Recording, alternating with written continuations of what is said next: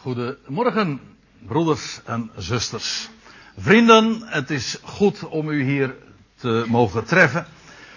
En ik stel voor dat we meteen maar de koe bij de horen zullen vatten en bij het begin te beginnen, dat wil zeggen van het gedeelte wat we zojuist hebben gelezen, 2 Korinthe 3. En misschien is het goed om even uh, de aanleiding van deze keuze ook toe te lichten.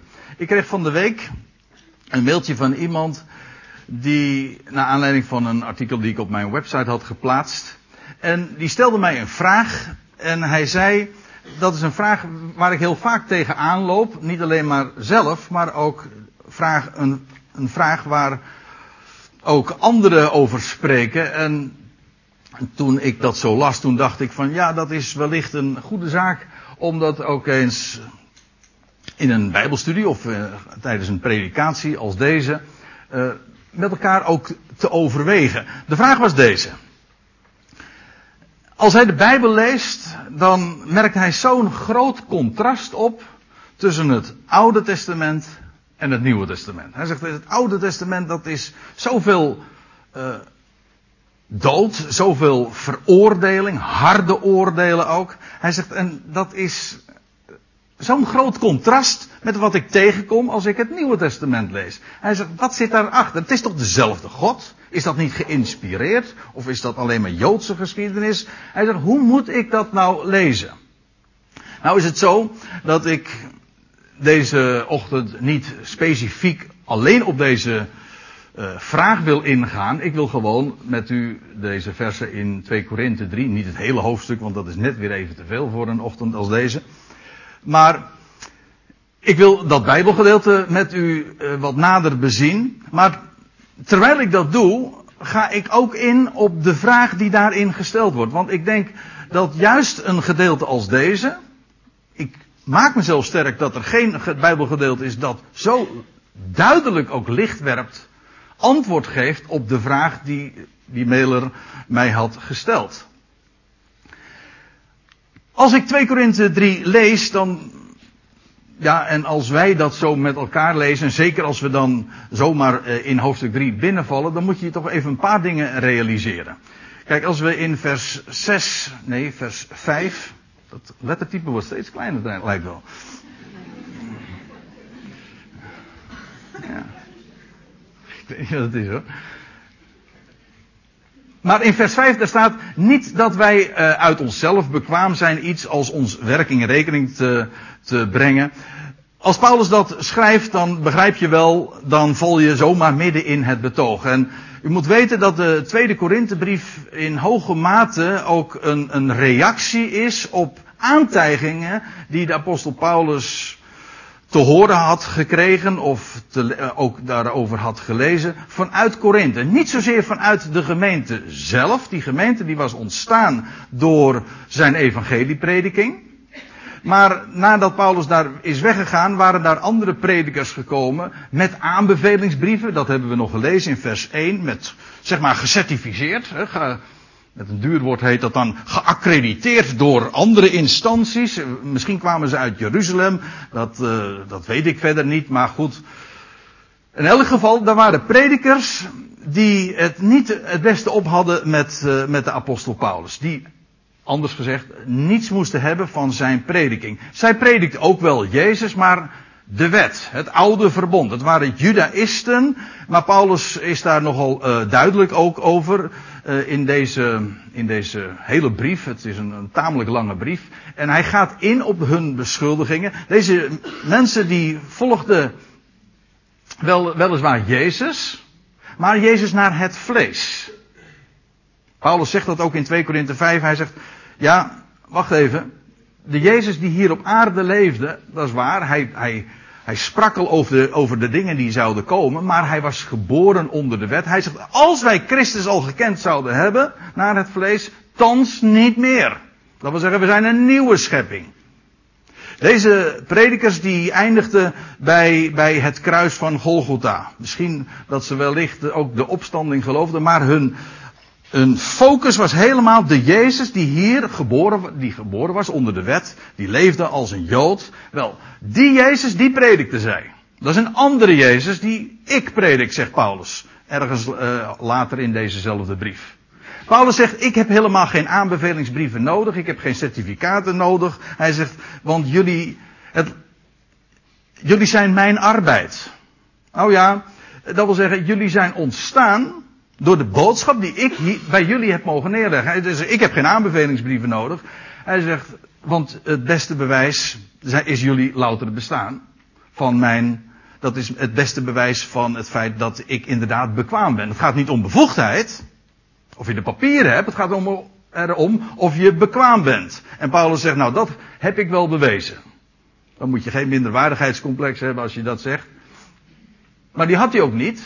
Maar ik moet er meteen bij zeggen, dat zou de suggestie kunnen oproepen van dat hij arrogant was. Maar dat was allerminst het geval. Dat volgde sowieso al uit zijn hele prediking. En nou ja, als ik dat zo gezegd heb, is mijn samenvatting even van het voorgaande en van de hele context. Dan zegt hij in vers 5 niet dat wij uit onszelf bekwaam zijn iets als ons werk in rekening te brengen. Maar onze bekwaamheid is Gods werk. Dat is geen vroom smoesje, zo'n sausje nog van er nog overheen. Om, en, en nog eventjes uh, te verwijzen naar God. Alsof hij God voor zijn karretje spande. Dit is juist de essentie van zijn prediking. De essentie van zijn prediking is niet dat de mens iets moet doen. De essentie van zijn prediking is juist dat het God is die zijn werk voor ons gedaan heeft, bovendien ook in ons doet en door ons doet.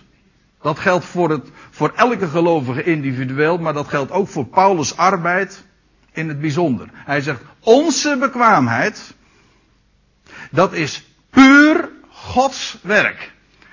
En dan vervolgt hij, die ons ook bekwaam gemaakt heeft, eigenlijk zegt hij dat in een hele tijdloze vorm, die ons ook bekwaam maakt om dienaren te zijn van een nieuw verbond. Niet der letter, maar des geestes. Met deze zin, met deze formulering, verwijst de apostel Paulus, dat kan niet missen, direct naar een heel bekend passage in het Oude, in het Oude Testament, naar de profeet Jeremia. Jeremia 31, ik heb het eronder ook uh, bij vermeld, de vers 31, makkelijk te onthouden.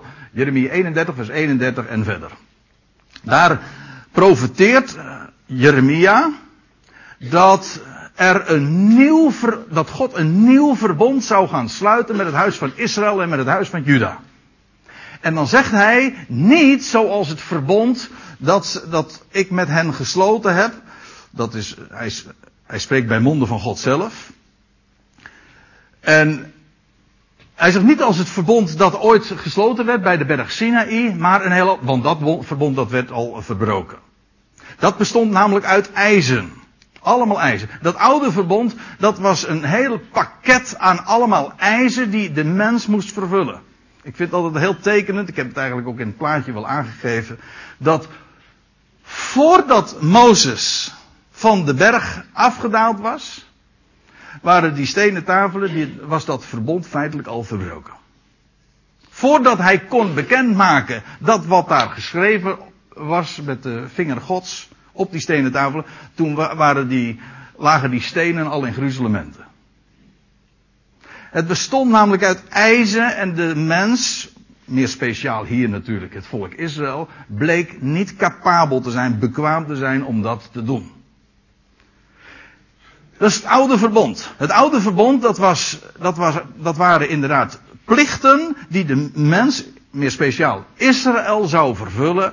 En ze bleken domweg niet daartoe in staat te zijn. En, of, en dan gaat het er eigenlijk helemaal niet eens om of ze helemaal niet daartoe in staat waren, of slechts een beetje. Ze voldeden domweg niet aan de standaard. Dus ze kwamen hoe dan ook tekort. En of dat nou veel of weinig is, dat is ook maar uh, gradueel. Ze kwamen tekort. Dat is, dat het grote probleem. De, het oude verbond, dat is een bediening van veroordeling. Nou loop ik even vooruit op wat Paulus nog gaat zeggen. Maar laat ik eerst eventjes nog dat contrast uh, nog tekenen. Hij heeft het over het... Hij zegt, ik ben een dienaar van, het nieuw, van een nieuw verbond. Niet van de letter, maar van de geest. Je moet weten, daar moet ik er ook nog even bij zeggen, dat nieuwe verbond, dat wordt met hetzelfde verbond, eh, nee, dan moet ik het goed zeggen, dat wordt met hetzelfde volk gesloten als waarmee het oude verbond gesloten werd.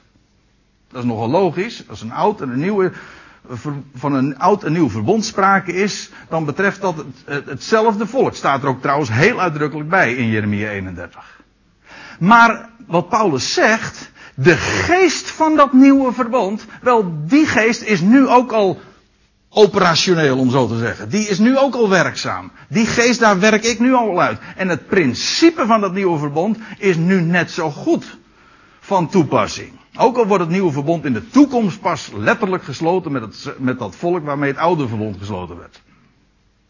Hij zegt maar, wij zijn al dienaren van een nieuw verbond, niet de letter, maar des geestes. En dat nieuwe verbond, en dat is zo prachtig als je dat gewoon louter alleen al in Jeremia 31 leest, dat is een verbond dat niet bestaat uit eisen, maar uit puur, puur uit beloften. Lees het gedeelte maar na. Zeven keer lees je, wat een mooi getal in dat verband. Zeven keer lees je dat God zegt, ik zal een nieuw verbond sluiten. Ik zal mijn wetten in hun hart schrijven. Ik zal hun ongerechtigheden niet meer gedenken. Ik zal, nou ja, uh, uh, zeven keer. Zeven keer dat God zijn belofte plechtig geeft. En het prachtige van dat nieuwe verbond, en dat is karakteristiek, niets wordt van de mens verwacht. Dat verbond kan dus per definitie niet stuk gaan. Want alle plichten liggen, die zijn eenzijdig. God is degene die belooft. En God is degene die dus ook schuldig is dat te vervullen. Belofte maakt schuld. En hij is degene die garant staat voor de vervulling. Kijk, dat is evangelie. En Paulus zegt, wij, dat, dat principe van dat nieuwe verbond, die geest van het nieuwe verbond, dat is vandaag ook werkzaam. Hij zegt, daar zijn wij dienaren van. Je moet in al die woorden die hij ook spreekt en optekent, uh, proef je ook de, de polemiek. Hè? De, hij, hij, hij verdedigt zich. Hij moet, hij moet aanvallen pareren. En dat doet hij ook in deze brief. Heel sterk. 2 Korinthe 3 valt nog wel mee. Als je het later leest, dan, dan komt het nog veel duidelijker uit de verf. Maar het gaat even om het contrast. Oude verbond, nieuwe verbond. En en die worden tegenover elkaar geplaatst, niet der letter, maar des geestes. Niet, dat wil zeggen het verbond van de letter en het verbond van de geest. Want staat er, de letter dood, maar de geest maakt levend. Een, een frase die uh, vaak wordt aangehaald en uh, volkomen misplaatst wordt geciteerd. Want wat men uh, er nogal eens een keertje mee bedoelt te zeggen is, nou bijbelstudie, nee, dat is niet mijn cup of tea. Want uh, ja, trouwens staat er ook niet ergens in de Bijbel van de letter dood. En de geest maakt levend. Dus uh, het is een hele mooie manier om je zeg maar in het algemeen, niet alleen van, alleen van Bijbelstudie, maar gewoon van de Bijbel je te ontdoen, want het is de letter. Nou, dat, dat krijg je er nou van, dus als je geen Bijbelstudie doet, hè, dan ga je zulke domme dingen zeggen. Want het gaat namelijk nergens over. Het is zo uit het verband gerukt, die letter gaat helemaal niet over het woord Gods. Integendeel. Woord is juist leven. Ik moet denken aan wat, er, wat de Heer Jezus ooit zei in Johannes 6. Mijn woorden zijn geest en leven. De, de geest staat niet tegenover het woord. Integendeel, het woord is het, het transportmiddel van de geest. De geest bedient zich van woord. Hoe anders?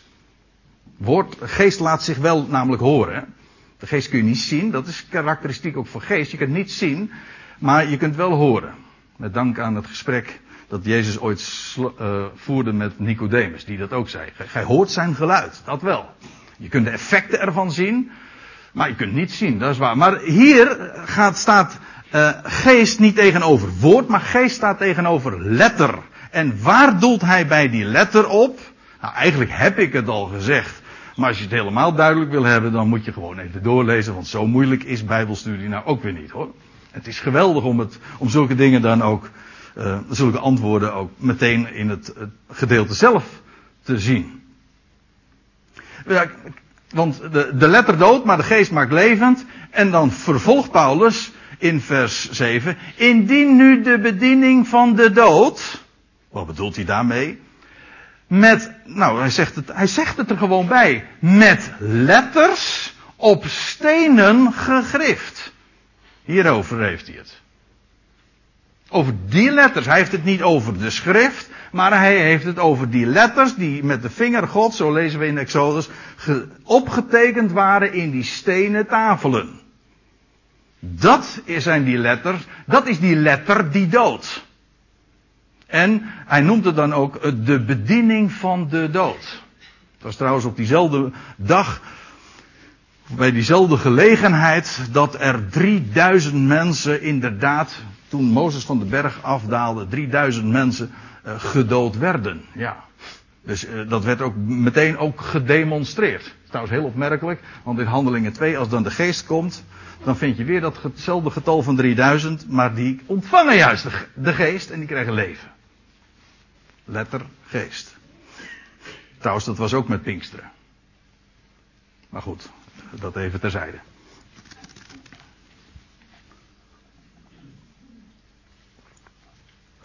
Dus als Paulus het heeft over de letter, dan heeft hij het over die, die bediening van die stenen tafelen waarmee Mozes uh, de berg afdaalde. En dat als embleem ook van dat oude verbond. Want daarover heeft Paulus het. Indien nu de bediening van de dood met letters op stenen gegrift gepaard ging met zulke heerlijkheid, dat de kinderen Israëls de blik niet op het aangezicht van Mozes konden vestigen, om de heerlijkheid van zijn aangezicht, die toch verdwijnen moest. Hij gaat verder, maar ik moet eventjes nu hier even pauzeren, want wat, wat, waarover heeft de apostel het hier? Wat Paulus zegt is die bediening van de wet, van de stenen tafelen, dat oude verbond. Hij noemt het, hij, geeft het een aantal predicaten die niet echt, uh, nou ja, uh, hoe moet ik het zeggen, die niet erg complimenteus zijn, want hij noemt het een bediening des doods en ook nog een bediening van veroordeling. Daarover straks meer. Maar Niettemin spreekt Paulus met het grootste respect en eerbied daarover, want hij zegt, die bediening van de dood, die bediening van die stenen tafelen waar de letters op gegraveerd waren, hij zegt dat was niettemin een bediening van een enorme heerlijkheid. Want, zegt hij, ze ging gepaard met zulke heerlijkheid dat de kinderen Israëls de blik niet op het aangezicht van Mozes konden vestigen. Als je dat eh, namelijk uh, leest in Exodus, dan staat daar in hoofdstuk 34 dat als Mozes de, de woorden heeft gesproken. Nee, het staat er nog anders. Dat is heel opmerkelijk, want mensen eh, lezen dat meestal verkeerd. Men denkt dan van ja, dat, dat Israël naar Mozes keek. En ze konden zijn, de lichtglans die, hij, die van zijn gezicht straalde, want dat lees je in Exodus, dat ze dat niet konden verdragen, die heerlijkheid. Of dat, die lichtglans. Maar dat is niet de gedachte. Want wat staat er, als Mozes die woorden dan had voorgelezen, dan, uh, bij een latere gelegenheid, Exodus 34, dan staat er dat als hij het gelezen had, dan bedekte hij zijn aangezicht met een doek, zoals op dit plaatje. Hij bedekte zijn aangezicht met een doek, zodat ze, de kinderen Israëls, dus de Israëlieten, die hem dus zagen stralen, ze zagen die heerlijkheid niet verdwijnen. Dus, want na, nadat Mozes die woorden had uitgesproken, verdween die heerlijkheid, die lichtglans weer van zijn aangezicht. En hij deed een doek voor zijn gezicht. Waarom? Opdat ze hun blik niet zouden vestigen op die lichtglans die weer van zijn gezicht zou verdwijnen. En, wat, en Paulus legt het zo uit. Hij zegt, ja, de kinderen Israël zouden hun blik niet vestigen op, op een lichtglans, op een heerlijkheid die toch verdwijnen moest. Ja, zegt hij, dat is nou typerend voor dat oude verbond. Daarop zou je je, je, je blik niet gevestigd uh, houden.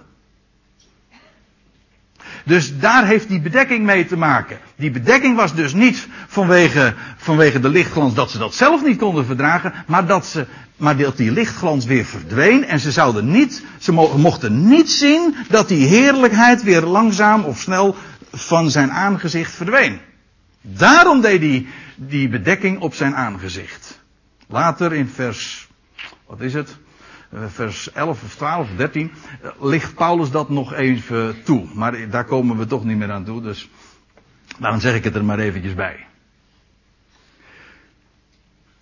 Dat was een heerlijkheid die dus verdween. En dan lees je verder Hoe, als die heerlijkheid, want laten we even het betoog vasthouden. Als dat oude verbond, als Mozes en die stenen tafelen en alles wat daarmee verband had, als dat een, misschien dan weliswaar een bediening van, van de dood was en veroordeling bracht, het was niettemin een bediening van heerlijkheid. Nou, zegt Paulus, hoe zal niet nog meer de bediening van de geest in heerlijkheid zijn? Als dat oude verbond al zo heerlijk was, zo'n lichtglans had, letterlijk, maar ook in allerlei andere opzichten was het, was het een heerlijk woord. En toch, zegt Paulus, als je het tegenover elkaar plaatst, het contrast ziet tussen oud en nieuw, ja, dan, dan, dan zie je gewoon, dan steekt dat een zo schril af tegen het ander. Hoeveel zal niet nog veel meer de bediening van de geest in heerlijkheid zijn? Dus dan krijg je dit, deze tegenstelling. Je hebt aan de ene kant de bediening van de dood. Dat is met letters op stenen gegrift. Het oude verbond. En aan de andere kant de bediening van de geest. Die levend maakt. Ja, want geest is namelijk altijd leven. Als je de geest ontvangt, ontvang je leven. Als je, net zo goed als als je de geest geeft, dan ga je dood. Geest is eigenlijk min of meer synoniem met leven. Dus hij zet de bediening van de dood tegenover de bediening van de geest, namelijk van leven, van levend, van de levendmakende geest.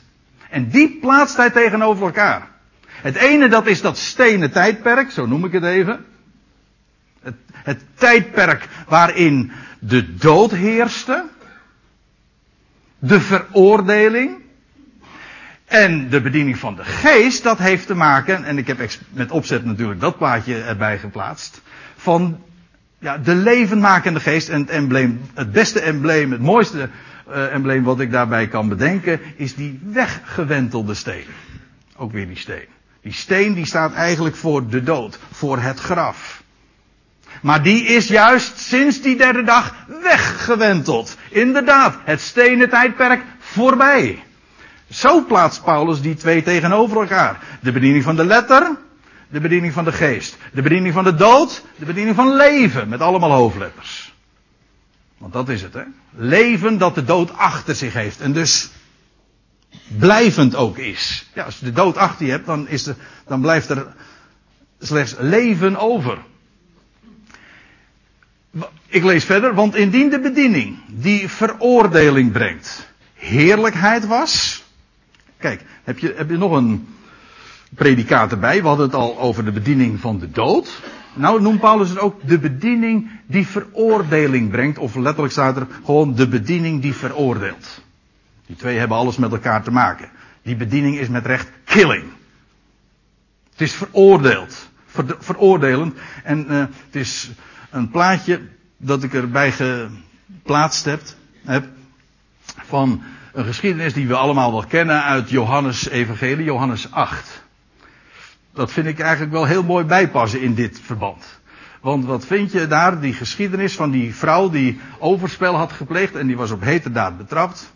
Heel vreemd dat alleen die vrouw dan in het midden gebracht wordt. Hm?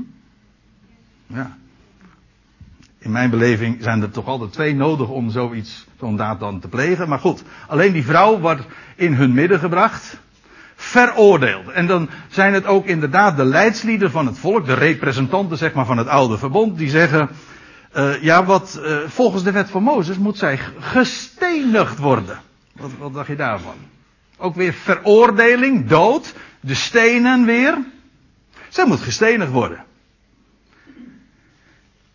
En Jezus pareert eigenlijk hun vraag niet. Wat hij doet, hij bukt. En hij gaat zo met zijn vinger in het, daar op de vloer van de tempel schrijven.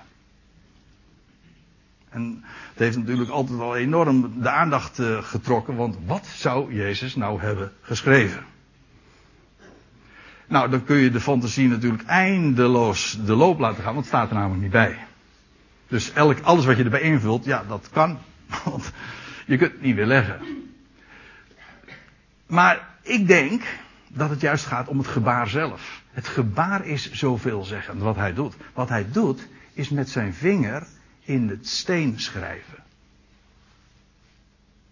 Ik heb, ik heb eigenlijk al de uitdrukking al een paar keer gebezigd vanmorgen. Maar het herinnert gewoon aan de wetgeving. Toen God aan de stenen tafelen gaf. Die waren met, met zijn vinger in steen gegraveerd, staat er. Nou ja, in elk geval, uh, dan, en dan staat Jezus vervolgens weer op als hij die vraag krijgt met die, ja, die vrouw zou gestenigd moeten worden. En dan zegt hij de beroemde woorden, wie zonder zonde is, die werpen de eerste steen. En dan duurt het even, en dan, maar van de oudste tot de jongste druipen ze allemaal af. Nou, dan gaat hij trouwens weer in het steen schrijven. Dan schrijft hij weer. Maar bij die tweede keer, ik geloof dat dat een beeld is van het nieuwe verbond. Mozes kreeg trouwens ook weer een tweede set tafels, hè? En, maar die werden niet verbroken, die werden gebracht in, in de ark. In het binnenste. Daar werd het veilig, was het veilig. Nou ja, ik zeg nu even een heleboel in een paar zinnen. Uh, ga ik nu even niet toelichten. Maar ik bedoel dit te zeggen. Uh, laten, we het even, laten we het even simpel houden. Die vrouw die staat daar dus nog steeds, ja, met, met de aanklacht. En Jezus moest daar een uitspraak doen. En weet je wat Jezus zegt? En dat is eigenlijk al een vooruitloper op, op ja, die bediening van de geest. Waar Paulus het ook over heeft.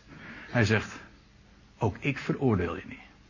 Ga heen, zonder niet meer. Let op de volgorde. Hij zegt niet, ga heen zonder niet meer ik en ik veroordeel je niet. Kijk, dat was, zo was dat ook in, onder de, in, in het stenen tijdperk, zeg maar. Dan was er geen veroordeling als je niet meer zonde. Nee, Jezus begint met, ik veroordeel je niet. Geen veroordeling. En dat is de basis en het uitgangspunt van een leven dat zin heeft. Dat wil zeggen, zonder zonde. Inderdaad. Met een doel. Dan zondig je niet meer omdat er geen veroordeling is. Je bent vrijgesproken. En de grootste ellende is inderdaad altijd maar die sfeer van veroordeling. Dat geldt voor jezelf. Maar het geldt net zo goed ook naar anderen toe. In het stenen tijdperk is het allemaal oordeel en veroordeling wat de klok slaat. Terwijl de bediening van de geest, die gaat nu juist over vrijspraak. Ik lees, ik lees, want ik lees gewoon even verder, want nu ben ik weer terug dus in 2 Korinthe. Want indien de bediening van die veroordeling brengt heerlijkheid was, hoeveel meer, of veel meer is de bediening die rechtvaardigheid brengt. Overvloedig in heerlijkheid. En nu heeft de apostel Paulus het over inderdaad wat karakteristiek is voor dat nieuwe verbond. Voor, dat, voor de waarheid, nu het stenen tijdperk voorbij is, dat van de, van de stenen tafelen, en nu is de bediening daarvan de geest. Van evangelie. Van werkelijk een blijde boodschap. Van vrijspraak. Ja, ik bedoel dat gewoon letterlijk zoals ik het nu ook zeg. En nergens heb ik dat, die woorden mooier gevonden dan waar Paulus dat uh, verklaart en ook toelicht in, twee, in de Romeinenbrief. Romeinen 5, vers 18. En zo onbekend. Nou, in dit gezelschap niet. Maar ik denk wel eens, realiseren we werkelijk wat voor rijkdom we kennen in het evangelie. Want voor je het weet, zit je gewoon weer in het stenen tijdperk. Als u begrijpt wat ik bedoel. Want je kunt natuurlijk wel mooi zeggen van een evangelie en ja, ik bedoel, dat, dat, dat roepen we allemaal. Of ja, we bedoel ik gewoon de hele christenheid en dat kun je allemaal wel heel mooi zeggen. Nee, het gaat erom, wat werkt dat uit in de praktijk? Is het ook werkelijk dat wat je uitdraagt en wat je gelooft en daarom daar ook uit leeft? Of is het alleen maar een mooie, ja, uithangbordje, een mooie tekst aan de muur en zo? Hoe zeggen ze dat ook? Een mooie wandtekst. Ja, nee, maar het gaat erom, is dat werkelijk de boodschap, de waarheid? Paulus zegt in Romeinen 5, derhalve, gelijk het door één daad van overtreding voor alle mensen tot veroordeling gekomen is. Zo komt het ook, uiteraard doelt hij hier op Adam, alle mensen zijn nu zondaren. Gewoon, omdat ze afstammelingen zijn van Adam. Ze zijn veroordeeld ja, om zondaar te zijn. Ze zijn ook veroordeeld tot de dood. We zijn allemaal veroordeeld om te sterven. Door één daad, ooit, duizend jaren geleden, daar in Mesopotamië, in de Hof van, van Ede. Eén daad van overtreding voor alle mensen tot veroordeling. Zo komt het ook door één daad. De dood, de opstanding van Christus. Eigenlijk moet ik zeggen zijn kruisdood. Zo komt het ook door één daad van gerechtigheid voor alle mensen tot rechtvaardiging van leven. Hier zie je trouwens de, tegenstelling ook heel mooi. Aan de ene kant veroordeling en aan de andere kant rechtvaardiging. En leven. Want die twee hebben alles met elkaar te maken. Zoals veroordeling alles met dood te maken heeft. En in dat, in dat tijdperk vanaf Adam later is dan nog onder, in de dagen van Mozes, dat was inmiddels duizenden jaren later, is daar de wet nog bijgekomen. En een heleboel mensen hebben dan het idee van ja, die wet er was erbij gekomen, opdat de mens beter zou worden. Nou, zegt Paulus, dat kun je wel vergeten. Moet u even verder lezen in Romeinen 5. Dan zegt hij van die wet, die is erbij gekomen. Was in de dagen van Mozes voor één volk. Opdat de overtreding zou toenemen. Dus het hele idee dat die wet erbij gekomen was, het oude verbond, dat het de mens beter zou maken, dat is niet waar. De, de overtreding zou toenemen en als de overtreding toenam, de zonde nam toe, dan zou de genade des te overvloediger worden. God wilde contrast. That's why. En als hij die wet dan geeft, in die hele, die hele context van veroordeling, van dood, wel, toen de volheid destijds gekomen was, toen kwam daar Christus. En nu hebben wij weet van die weggewentelde steen. En daarmee ook van rechtvaardiging. Niet alleen voor ons. Wij die nu al mogen geloven. Ik ga er even gemakshalve vanuit dat u hier allemaal van harte amen op zegt. Anders is het inderdaad theorie. Het gaat, maar hoe dan ook, als u niet gelooft, dan, dan, dan blijft de boodschap hier het uh, gelijk hoor. Ook als u niet gelooft, dan blijft de waarheid. Doordat er ooit één stierf, één daad van gerechtigheid. En doordat die mens vervolgens op de derde dag verrees uit het graf. De steen werd weggewenteld. Nu is er geen veroordeling meer. Er is rechtvaardiging. En als God rechtvaardigt, wie is er dan die veroordeelt? Kijk, dat, is, dat zijn nou de marges, dat is de sfeer waarin wij mogen leven. En op het moment wat daar weer veroordeling is, ook weer die eisen. Dan leef je gewoon weer in het stenen tijdperk. En dan is dat evangelie gewoon weer theorie geworden.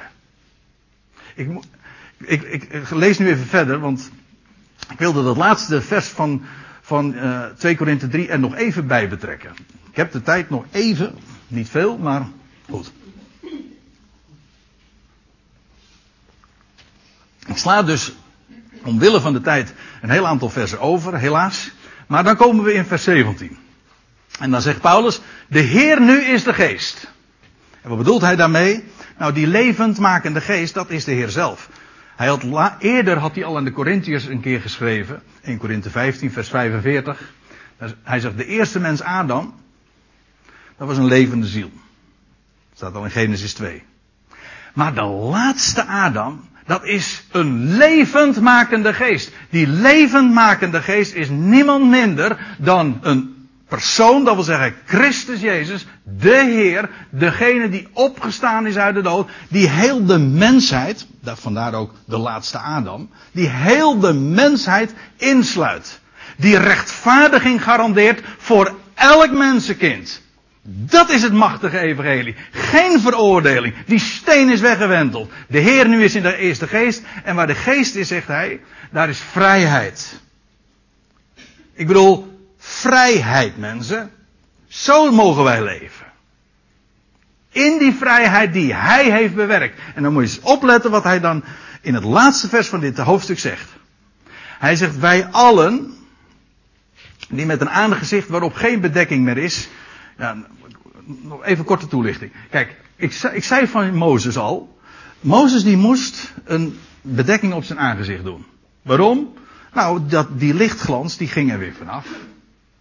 Dat was van voorbijgaande aard. Dat was ook de bedoeling. En daarom moest Mozes zijn aangezicht, bedekt worden. Zodat zij hun blik, zodat niemand de, uh, de blik zou vestigen op voorbijgaande heerlijkheid. Nou, zegt Paulus, Dat is wel simpel, want wij hebben van doen met een heerlijkheid van een van nieuw verbond, van de geest, dat wat niet voorbij gaat. Van rechtvaardiging, van leven, met allemaal hoofdletters, omdat er geen dood meer is. De weggewentelde steen, dat is leven, dat is rechtvaardiging. Nou, dan hebben wij geen aangezicht, geen bedekking meer op het aangezicht nodig. Als wij die heerlijkheid weerspiegelen, zo mooi. Daar staat bij, wij allen die met een aangezicht waarop geen bedekking meer is, de heerlijkheid van de Heer weerspiegelen. Ik lees even verder. Veranderen. Nou, ik heb het doorgekrast. Ik vind het namelijk veel te zwak. Er staat in het, er staat in het Grieks wordt het woordje metamorfose gebruikt. Dat is dit. Dat is metamorfose. Een complete gedaanteverwisseling. En, en bovendien, dat, dat is een, het staat in een passieve vorm. Het staat niet veranderen, nee, worden veranderd. Of worden getransformeerd. Ondergaan een metamorfose. Dat is geen prestatie. Als een rups een vlinder wordt, is dat geen prestatie. Dat ondergaat hij namelijk gewoon. Dat is met, met deze transformatie waar Paulus het over heeft, eveneens. Dat is geen prestatie, weet u wat het is? In de praktijk, reflectie. En ik gebruik expres die woorden, omdat Paulus die woorden namelijk ook gebruikt. Hij zegt, wij allen die met een aangezicht waarop geen bedekking meer is, de heerlijkheid des Heren weerspiegelen. Dus op het moment dat je, want het is eigenlijk een, een reflector, op het moment dat je gericht bent op die heerlijkheid, daar aandacht aan geeft. In welke heerlijkheid? Nou, die heerlijkheid waar ik het over heb. De heerlijkheid van een nieuw verbond, de heerlijkheid van geest, van, van rechtvaardiging, van leven. Als je daar je aandacht aan geeft, die heerlijkheid ziet, weet je wat er gaat gebeuren? Mensen geloven het niet, mensen denken altijd maar dat, het, dat je moet presteren, maar uitstraling mensen, en gaan stralen is geen prestatie. Ik kan wel zeggen tegen je, je moet blij worden, maar dat werkt niet zo. Je wordt altijd ergens blij van. Trouwens, onze gemoedsinstelling is altijd reflectie. Je bent blij, ik noem maar wat, hè. Je, bent, uh, je denkt aan de vakantie. De blauwe hemel en het strand. En, nou ja, eh, terwijl ik het zeg, zie ik mensen weer vrolijk worden. Ja, waarom? Uh, je gemoedsinstelling, je, je emoties zijn niks, niks anders dan een reflectie van dat waar je aandacht aan geeft. Net zo als dat ik, als ik nou weer ga, nee, laat ik het niet doen. Ik, ik zou natuurlijk eh, nu ook even uw aandacht kunnen vragen voor de stapels werk die morgen weer op u liggen te wachten. Daar word je niet blij van. Je wordt altijd ergens blij van. Nou, wat Paulus hier zegt, is van ja, wij hebben te maken met een heerlijkheid die onvergankelijk is, die overvloedig is. Voor het hele mensdom, voor de godganse schepping, en dat zeg ik niet als een vloek. Ik bedoel, alles is betrokken, alles is inbegrepen in de heerlijkheid die hij aan het licht heeft gebracht. Sta erop. Leef niet in het stenen tijdperk van veroordeling, maar leef in die vrijheid. En weet u wat het is? Hij gaat ons transformeren en veranderen. Dat is niet prestatie, dat is reflectie. Geef daar je aandacht aan. En dan staat er ook bij, wij allen die met die heerlijkheid weer spiegelen, reflecteren, die worden naar hetzelfde beeld getransformeerd. Prijs God dat dat de waarheid is. Oude verbond, dat is eisen, eisen en dat, en dat is mislukking en daarmee krijg je veroordeling. Eerst de plaats jezelf, dan ook anderen. Zo. Maar dat heeft allemaal ook te maken met het verleden. Trouwens, dat dit tijdperk is verleden tijd. Dus gisteren. Als ik zeg gisteren, dan zeg ik eigenlijk ook nog gist. Dat heeft nog weer te maken met zuurdesem. Iets van, van de vorige dag, wat bedorven is. Inderdaad. Maar we hebben het nu over leven dat onvergankelijk is. Wel, daar geven we onze aandacht aan. En dat mogen we weerspiegelen. Geef het. Kijk daarnaar en je wordt naar hetzelfde beeld veranderd. Je gaat stralen als door de Heer die geest is. Hoe staat het er? Ja, wij worden, wij worden getransformeerd naar hetzelfde beeld van heerlijkheid tot heerlijkheid. Dat wil zeggen, van de heerlijkheid die voorbij ging, het oude verbond, naar de heerlijkheid die niet voorbij gaat. Als door de Heer die geest is. Dat wil zeggen, de levendmakende geest, de laatste adem. En ik stel voor dat we daarover gaan zingen.